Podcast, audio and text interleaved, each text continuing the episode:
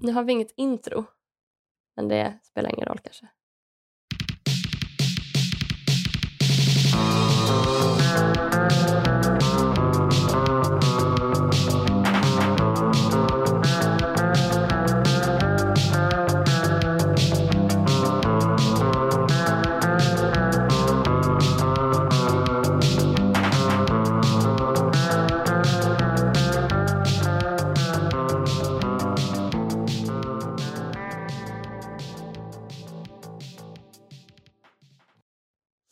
Men glad um, valborg i efterskott och glad första maj Tack i detsamma. nuskott till I dig nuskott. och efterskott till lyssnarna.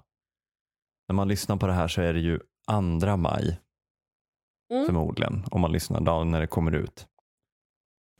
På 60-talet sammanfattade Lennart Frick den här känslan i sin lakoniska dikt med titeln Andra maj.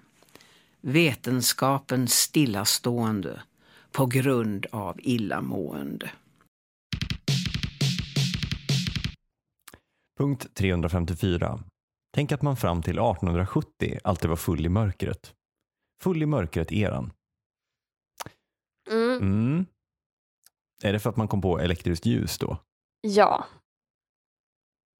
1880 eh, introducerades Gud. elektrisk belysning i Sverige. Ja, det är ju imponerande för den som har varit i, för den som har varit i typ en stuga eller något utan elektriskt ljus. Exakt. Så är man ju, det är ju omöjligt att göra någonting liksom precisionskrävande. Mm. Och eh, hålla sig alert. Speciellt när man också är full. ja. Verkligen. Men eh, nu ska vi se, när började man dricka kranvatten? Men alltså utbyggnaden av det svenska vattennätet var väl typ på 50-60-talet? Ja. Men vatten måste man ha druckit innan det väl? Ja. I slutet av 1800-talet hade Stockholms stad centrala delar fått rörledningar. Okej. Men mängder av hushåll fick inte sitt vatten från den allmänna vattenledningen. I södra och östra delarna av Stockholm var vattenledningarna inte utbyggda. Just det, vi har ju Sveriges ledande vattenexpert med oss. Ända fram till 1800-talet drack också barnen öl eller svagdricka som innehöll lite mindre alkohol. Gud, det finns en Wikipedia om vatten och avlopp i Stockholm. Clickbait för dig. Verkligen. Precis, det fanns ju offentliga brunnar. Från 1200-talet, Stockholms grundande, fram till mitten av 1800-talet så hämtade man vatten vid brunnar, pumpar och vattendrag. Man körde in vatten med häst och vagn från speciella brunnar där det var riktigt gott. Vårbyvattnet var väldigt gott Jaha. från Vårby källa i Fittja. Ja. Nu ska se, de första vattenledningarna 1800-1890. Det känns som att det liksom på riktigt kom igång på 1900-talet. 1906 fick Stockholm vattenledningsverk. Vatten med bubblor på flaska såldes till en början på apotek. Men det här kommer jag ihåg, jag undrar om de inte hade tillsatt typ arsenik eller uran eller något i det från början för att det skulle vara extra rent. Under 1800 och 1900-talet såldes också vatten på flaska i särskilda vatten, vattenbutiker. Vattenbutikerna var som ett sorts kaféer som för det mesta bara sålde olika sorters vatten. I, I Dr. Glas så mördar Dr. Glas prästen Gregorius vid en vattenbutik i Kungsträdgården. Mhm. Ja, men vi kan väl generalisera och säga att vatten kom, bra vatten kom allmänt folk till godo i, i början av 1900 fram till mitten av 1950 kanske? Mm. Men det var i alla fall inte mörkt. Man Nej. var full i ljuset då ett litet tag. Sen blev man nykter i ljuset. Exakt, jag undrar när, men jag tänker att det kan ha att göra med typ så här rattfyllerilagen. När kom den då? 1951. Nykterhetsrörelsen var ju stor eh, in på 1900-talet men uppstod väl eh, under 1800-talet. Mm. Och då tänker jag att det måste ju finnas något alternativ. Alltså om, för att det ska kunna finnas en nykterhetsrörelse så måste det ju finnas något som man kan dricka istället för brännvin. Man får en liten ledtråd av när nykterhetsrörelsen växer fram. Vi, får inte, vi har inga lagar mot eh, alkoholkonsumtion på jobbet. Inte? Nej, däremot har vi något så svenskt som eh, arbetsmiljölagen som kräver att arbetsgivaren ska ta ansvar för den lokala arbetsmiljön. Och där Ja, brukar räknas in att folk inte ska vara skitfulla. ja okej. Men däremot så har vi lagar som reglerar olika, alltså du får inte framföra en truck typ full. Nej. Ehm, men i och med att jag tänker att rattfyllerilagen kom 51 då, då kan man ju tänka sig att från, att från 1900-talet då så inträdde full i ljuset-eran Mm. och hängde, nu, hängde i fram till 1950 då. Mm. Eh, och då inträffade nykter i ljuset-eran. Ja. Och där någonstans då lämnade människan full i mörkret-eran. ja.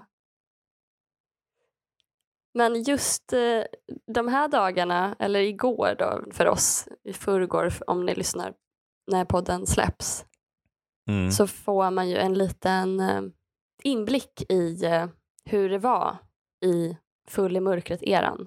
Mm. Ja, men det är Valborg i Uppsala är ett litet live i det. Mm. Vi högtidlighåller det varje år. Minnet av Full i mörkret-eran. ja. Det är som medeltidsveckan. Det är kul också hur vi har gått, alltså nu när vi har lämnat Full i mörkret-eran, hur våra, kons- alltså hur våra alkoholvanor ändå förknippas med mörker.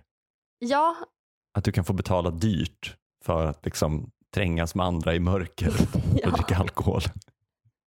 Och att man ofta klagar på, alltså ett sätt för att få folk att sluta dricka alkohol på en krog, till Ja. exempel när en krog ska stänga, det är ju att införa ljus. ja.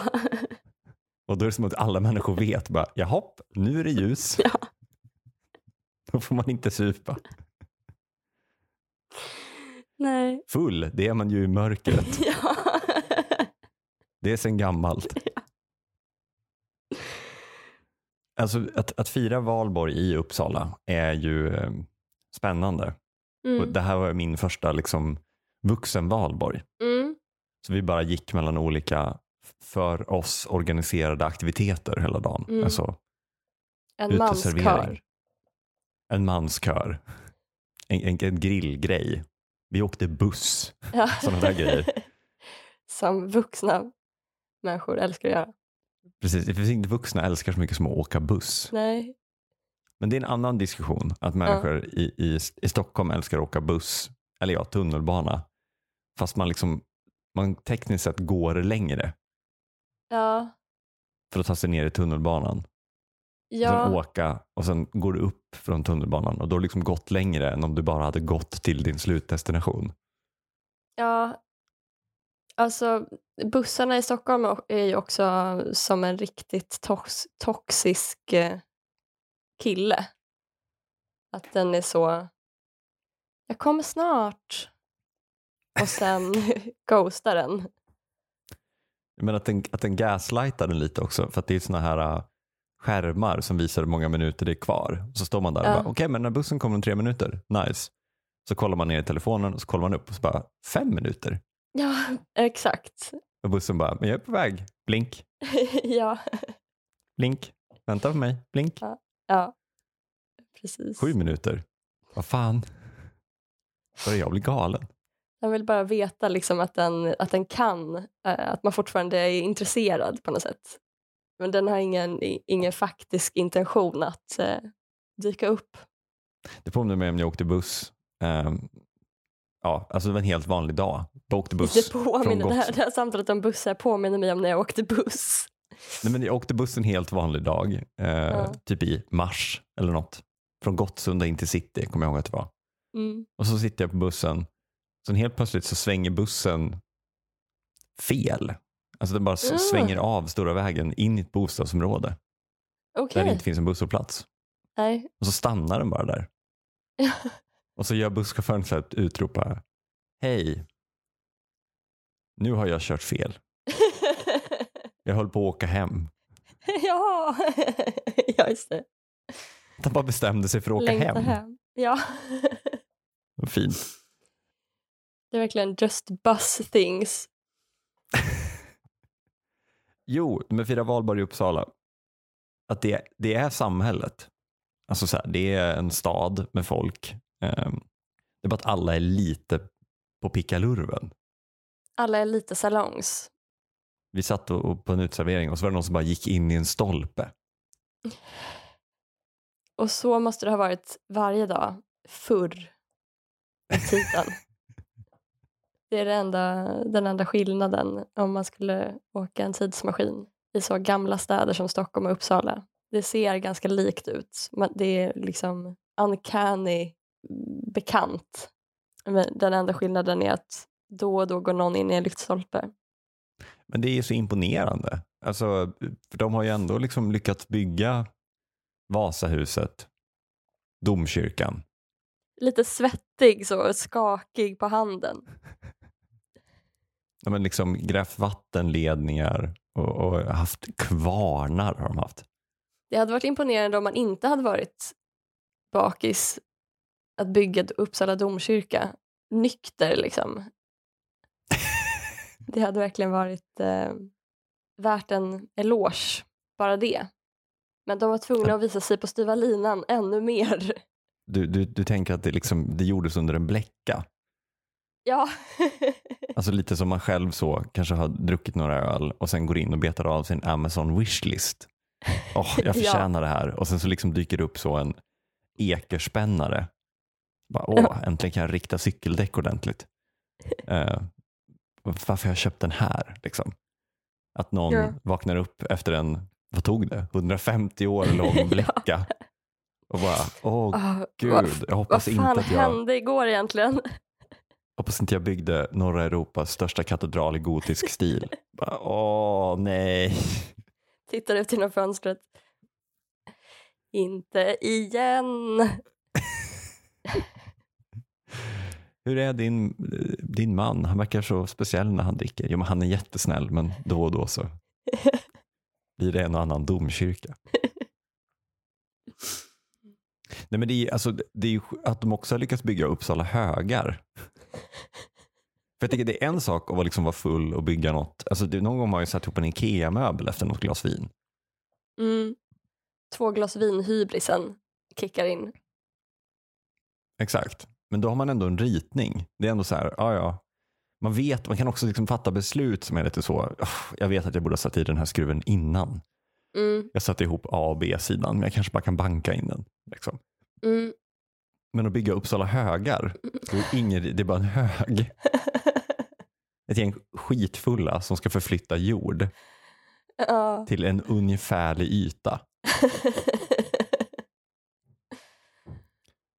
Vet du förresten vad teorierna är bakom bygget av högarna och en, den enorma stolpsamling som var bredvid högarna?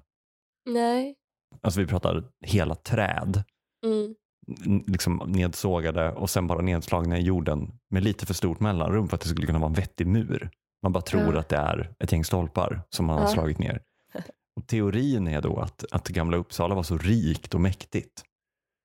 Ehm, så att man ville visa hur mycket arbetskraft man hade över. Så att man bara, vi, vi... Ja, vi har gjort en hög. Ja, folk över. Och nu har vi... Och folk bara, oh wow, hur mycket folk ni över. Vi har också gjort ett, ett, en mur, fast vi behöver inte en mur för vi är så kraftfulla så vi har bara, gjort, vi har bara satt de här stolparna bredvid varandra. Det, det är så extremt tidskrävande och så jobbigt. ja. Det är bara Göra det. kapitalförstöring. Ja, så då Det ville är man precis visa. som Liksom. restaurang Noma. Ja, exakt, exakt. Det var Mm. dåtidens restaurang Noma. Mm. Och då är det ännu mer imponerande att veta att man alla var lite på pickalurven. Ja. Det kan ju också vara så att de ville bygga en mur, men så var alla så jävla fulla. Ja. Och sen så bara, ja ja, vi tar det på skrytkontot. Exakt. Alltså lite som att vi, vi, vi ska sätta upp räcken runt våra bryggor i, i stugan för att barnsäkra dem. Mm. Så då har jag varit och tittat på såna här glas och stålräcken för att jag, det är inte alls fint men man vill ändå behålla utsikten. Och då har jag kommit till den stora breda världen av prydnadsräcken. Ja. För då har jag hittat jättefina räcken och tänkt men det här blir jättebra. Och så bara, får ej användas som räcke. För att... Nej men det, det är prydnad. Lite som Uppsala högar. Eller det är någon som har läst Uppsala. Kant. Som bara, det här är prydnad, det betyder att det får inte ha en funktion. Nej men alltså så här, du, frågar du mig så det är räcken. Alltså de är förankrade och det är glasskivor och det är så säkerhetsglas och liksom men det räknas inte som räcken utan det räknas som typ avlång prydnad. Att de uppfyller inte någon, jag vet inte om det är någon infästningsstandard eller någonting. Så att vi, Mm. eh, och i och med att våra bryggor är, eller kan man kalla det bryggor, trädäck väldigt högt upp i luften så vill man ha fallskydd. Mm. Men de här skyddsräckena, eller de här räckena, I legally can't call them skyddsräcken. de här räckena får inte användas som skyddsräcken. mm. Ehm, så där, på bilderna så har de då visat hur folk har satt upp dem i markhöjd. Titta på min lilla avgränsade yta. Vad fint jag har fått den här ytan att skilja sig från de andra ytorna. Och det är en rolig prydnad. Punkt 917. Nej, nu vill jag aldrig mer höra en naturvetare uttala sig om samhället. Naturvetare borde inte få rösta. Dessutom vet vi redan att alla är socialdarwinister, så de behöver inte tillfrågas. Det jag ville prata om har inte så mycket med det här att göra egentligen. Men eh, det är ju en lång följetong Mm en älskad följetong i den här podden att jag eh, dissar ingenjörer. Mm. Det finns ett fält inom litteraturvetenskap som Mm. har växt fram ganska nyligen i och med att det har kommit mer avancerade språkmodeller till exempel. Mm. Och du har ju till och med pluggat språkteknologi. Tack så mycket. De metoder som man använder i språkteknologi har öppnat nya metoder även inom litteraturvetenskap då. Mm. Det finns en litteraturvetare som heter Franco Moretti som eh, säger att litteraturvetare måste sluta läsa. Eh, för vi har helt enkelt inte tid. Det finns för många böcker och för få litteraturvetare. Eller för, för lite tid helt enkelt. För att Mm. kunna säkert uttala sig om åtminstone stora drag och trender i Mm. litteraturhistorien. Dataunderlaget så att säga är ju inte pålitligt om man tar en bok som vi litteraturvetare älskar att göra och läser den jätte, jättenoggrant. Eh, då är det ett väldigt litet eh, dataset. Man gör, okay, man gör en statistisk, alltså en recension som baserar sig på bara en enda bok. Vad kan den säga om samhället? ja, nej men dels så gör man ju det på riktigt, att man läser en bok och sen så säger man eh, saker om samhället baserat på den Mm. boken. Men eh, också bara överhuvudtaget så har kanske litteraturvetaren i uppgift att eh, ha god kännedom om litteratur i största allmänhet. Och det Mm. är ju en uppgift som snarast omöjliggörs eller försvåras av hur noggrant litteraturvetaren läser. Mhm. Det är ju nästan så att någon, vem som helst har bättre koll på litteratur än litteraturvetaren för litteraturvetaren sitter och läser och läser jätte, jättenoggrant, zoomar in på ett kommatecken. Det är någonting grundläggande fel i metoden på något sätt. Om man nu Mm. säger sig vara intresserad av litteratur, eh, inte så här en bok. Så man borde egentligen kallas för bokvetare. Ja, ja men precis. Man kanske kan liksom ha en professor per bok på något sätt. ett, ett ämne, alltså så här, ja men här har vi svindlande höjder-kursen eller svindlande höjder eh, masterutbildningen. Är det inte lite det du har gjort med Lars Noréns dagböcker? jo, jo, så är det. Precis. The trouble with close reading is that it necessarily depends on an extremely small canon. We know how to read texts. Now let's learn how to not read them. Eh, och sen så säger han också att det är, eh, det, alltså, datorer Mm. kan hjälpa oss att läsa The Great Unread som är Mm. alltså då majoriteten av alla böcker Mm. som är, i, inte tillhör kanon. Eh, och därmed, och det är faktiskt ett projekt som Walter Benjamin hade. Han skrev sin avhandling som heter Tra- Trauerspiel någonting om alla tyska barockförfattare som inte var kända. Mm. Han ville säga någonting om barocken och då läste han inte Calderon, inte Shakespeare, utan han läste allt annat. Mm. Eh, för att så här, ja, men det måste ju vara mer talande för den tiden och för den litterära stilen. Mm. Det är konstigt att gå på undantagen så att säga. Det är en bra idé tycker jag. Förutom att, alltså en då artikel som eh, Franco Moretti har publicerat. Mm. Han visar då hur man kan analysera handling med hjälp av nätverksteori. Mm. Och då ritar han kartor över Hamlet till exempel. Och då visar det sig i den här då banbrytande forskningen att Hamlet är huvudperson i Hamlet.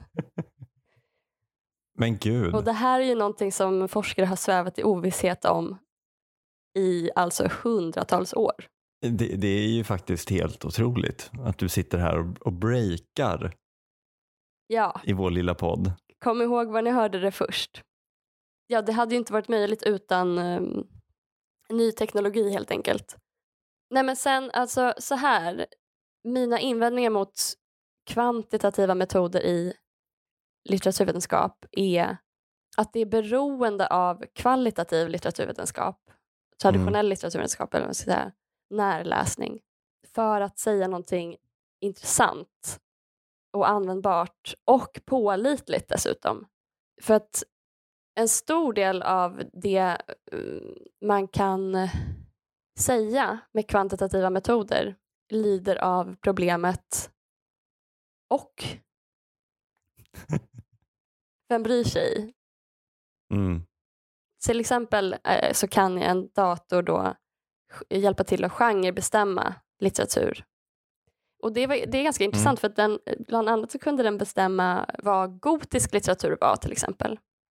Mm. Och då gick den inte på så här, slott, dimma, spöke. Utan den gick på förekomst av ordet dö, bestämd artikel. Mhm. En dator kan också avgöra vem som är författare. Så en, eh, till exempel så har, den, har eh, det visat sig vem Elena Ferrante är. Mhm. Eh, det är eh, Domenico Starnone. Och det har flera sådana här datorer visat, oberoende av varandra. Heter det, säger ni datorer? är det det vetenskapligt korrekta? Vi har satt på dem glasögon och en rock och döpt dem till olika saker. Kanske en liten peruk. Ja. Eh, Ja, men då kan jag kolla, det finns ju tvister om, liksom, om vem, vem som har skrivit, så här, är det Shakespeare som har skrivit allt, eh, liksom, hur många har skrivit Bibeln, hur många har skrivit Odysseen? Mm. Alltså, varför ska man veta vem som har skrivit Svindlande höjder, dels överhuvudtaget, vem bryr sig, men också så här, om, den inte, om man inte förstår vad som är intressant med boken, vad som Mm. gör den speciell, vad som gör den bra, så är ju frågan om vem som har skrivit den liksom helt eh, irrelevant. Mm. En sak som Franco Moretti skriver om är att just när det kommer till Hamlet, i en, när man ritar en karta över Hamlet och Mm. karaktärerna, så flyttas eh, allting blir samtidigt på något sätt. Alltså det förflutna är jämställt med nuet. Allt konverteras till noder för att du ska Mm. kunna göra nätverksanalysen. Mm.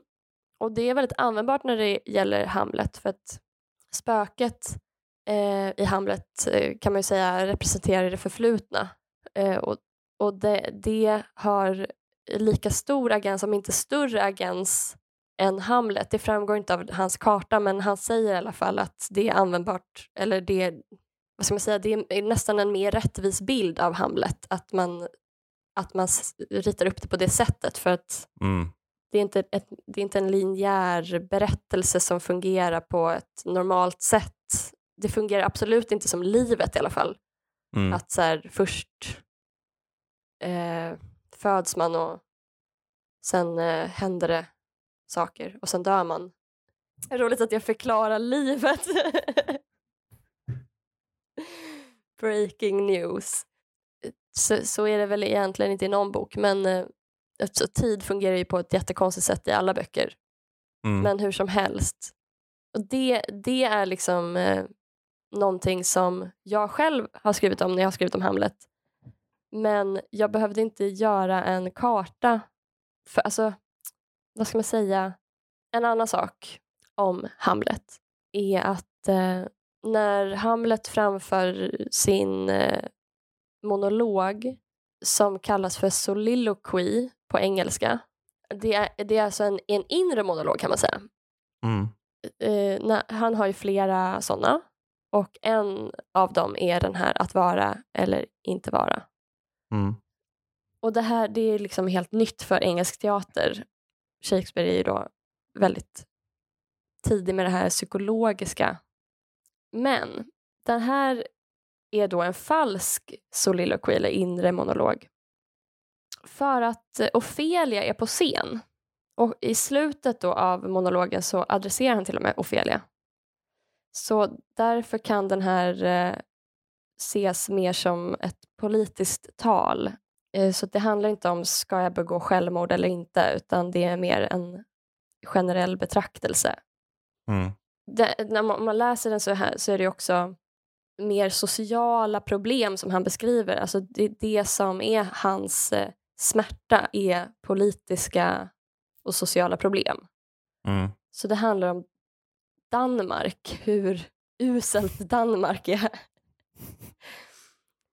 Denmark's a prison, then is the world one, a goodly one in which there are many confines, wards and dungeons, Denmark being one of the worst. For those who would bear the whips and scorns of time, the oppressor's wrong, the proud man's contumely, the pangs of dispirited love, the law's delay, the insolence of office, and the spurns that patient merit of the unworthy takes.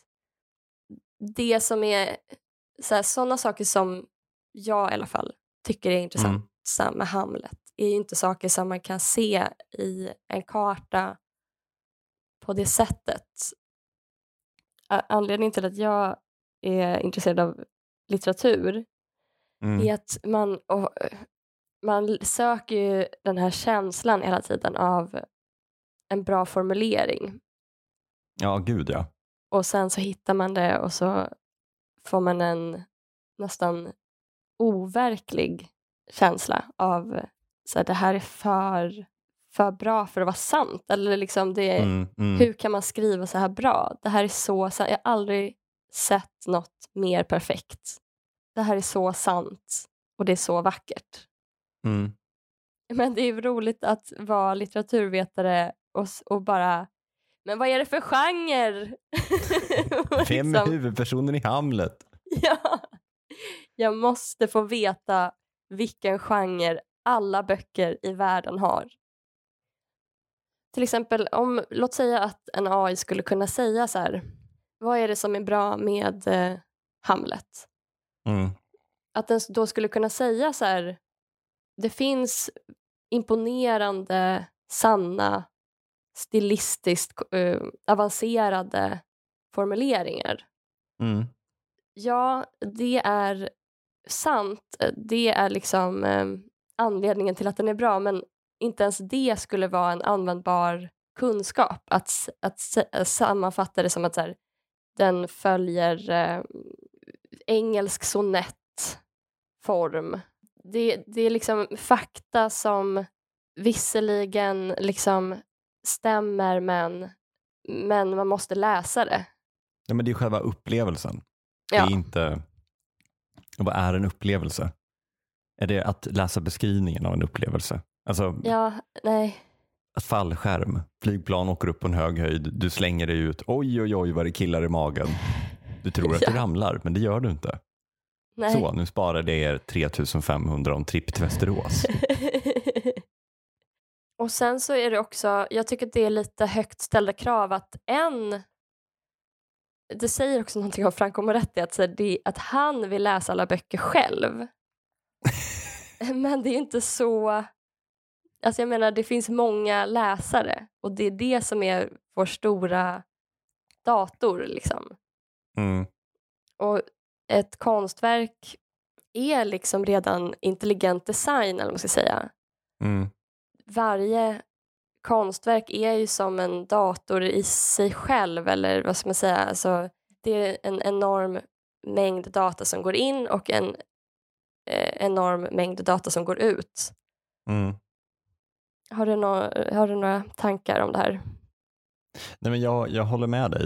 Eh, det, är- alltså, än en gång, vi, vi vet typ, nu kan vi få svaret på allt. Men problemet är ju vad frågan är och typ vad syftet är och vad Mm. man ska göra med svaret. Alltså, Mm, För det finns ju någon idé bland AI-killar att vi kan lösa allting med de här språkmodellerna. För att de kan Mm. ge ett objektivt svar. Alltså de kan läsa allt. Det är ju liksom, man har sett på Twitter, bara, men AI kan styra länder. Ge dem bara all politisk litteratur som finns. Och sen Ja. ger vi dem all data om vårt land och så får de fatta kloka beslut. mm, Men det är ju inte så. Det finns ju liksom inget rätt eller fel. Det finns ju bara en massa egenintressen som ska balanseras och sammanvägas till någon form av gruppintresse. mm, Och på sätt och vis så är, vad är inte marknaden om inte en enda stor dator? Liksom? mm, Eller vad är inte Just det. samhället om en enda stor dator som bara pågår och pågår och spottar ut resultat till höger och vänster? mm, Men då kan du åtminstone ha en dialog. Om du spottar in de här frågorna, vad är med? Ja, men det blir ju typ Liftarens guide till galaxen. Så här, vad, vad ska skattesatsen vara? 42? Varför då? Jo, och så massa, massa, massa beräkningar. Liksom. ja, Det är väl det ena. Och sen det andra är väl att, som vi har pratat så mycket om tidigare i den här podden, där en sam samhällssidan och kultursidan möts ja, eh, ledarredaktionen och kulturredaktionen battle, battle it out varje vecka. ja, Ehm, är att liksom poängen med konst och kultur är ju att liksom åka snålskjuts på en upplevelse eller liksom få en upplevelse eller en känsla utan att behöva Mm. ta droger eller hoppa fallskärm eller besöka Angkor Wat. mm, Jag är ju besatt av mina gamla sossebiografier. Men det är ju Mm. för att jag kan få ett 70-årigt liv på liksom två veckor som det tar för mig att läsa den. Kanske. just det. Eller jag kan få hela arbetarrörelsens historia ur någons vinkel liksom, Ja. på några dagar. Och då upphäva tiden på det sättet och, och leva snabbare genom att leva långsammare.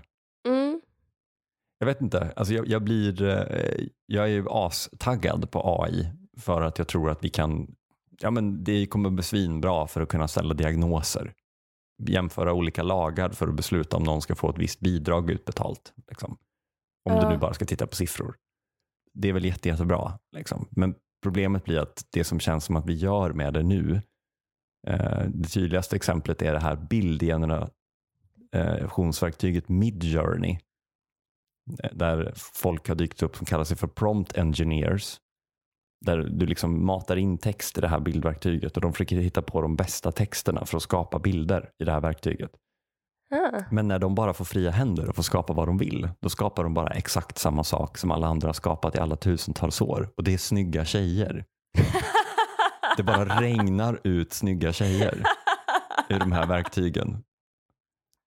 Ehm, och här har du liksom möjlighet, vi sitter på liksom datakraft för att kunna liksom ta bort ta bort så mycket onödigt jobb för att frigöra det för att läsa böcker, dansa, Mm. sova eller vad nu fan vi vill. Ehm, mm, och det enda som fyller mitt flöde är snygga, snygga tjejer. I'm a simple guy, säger AI. Men Estra Klein, jag tror jag pratade om det här i förra avsnittet, men jag vet, Estra Klein hade ett, ett, um, ett avsnitt där han intervjuade en, en kille som beskrivs som AI-skeptiker. Jag kommer faktiskt inte ihåg vad han heter nu, men, men, men han är inte AI-skeptiker. Han bara är så, diskuterar. Ja, han är inte liksom frälst. Han är bara, okej, okay, men vad ska vi göra med det? Um, ja. Och då pratade de om att the price of bullshit is now down to zero. Alltså du kan skapa hur mycket skräp som helst. Jätteeffektivt. Jätteeffektivt. Och, liksom, och, och istället för att inse för vad är det vi kan automatisera bort så använder vi det bara för att skapa ännu mer grejer. Och de här ja. snygga tjejerna finns inte ens i verkligheten. Det, är det, det har jag reflekterat över. Att de nu, nu sitter och gillar att sitta och liksom tänka och kåta upp det över snygga tjejer. Så i grund och botten så är väl det för att din kropp tror att det ska bli något hålligång. Men det här, det finns inget hålligång här. Det kommer aldrig bli ett hålligång. Nej. Vad är det för fel på en vanlig, riktigt snygg tjej? Det är kanske det vi borde vara oroliga för. Alla ni snygga tjejer, vad ska ni ja. göra nu? ja, men precis. Är det de som först blir av med jobbet i AI-revolutionen? Det var inte alla programmerare eller handläggare på Försäkringskassan eller grafiska designers utan det var snygga tjejer. Ja. Snygga tjejer måste starta en intresseorganisation. Ett fack. Tack för den här veckan, Kim Eklöf. Tack Ellen Theander. Vi kommer ut på tisdagar klockan sex på morgonen. Lagom till morgonlöprundan. På återhörande. Hej då! Hej då!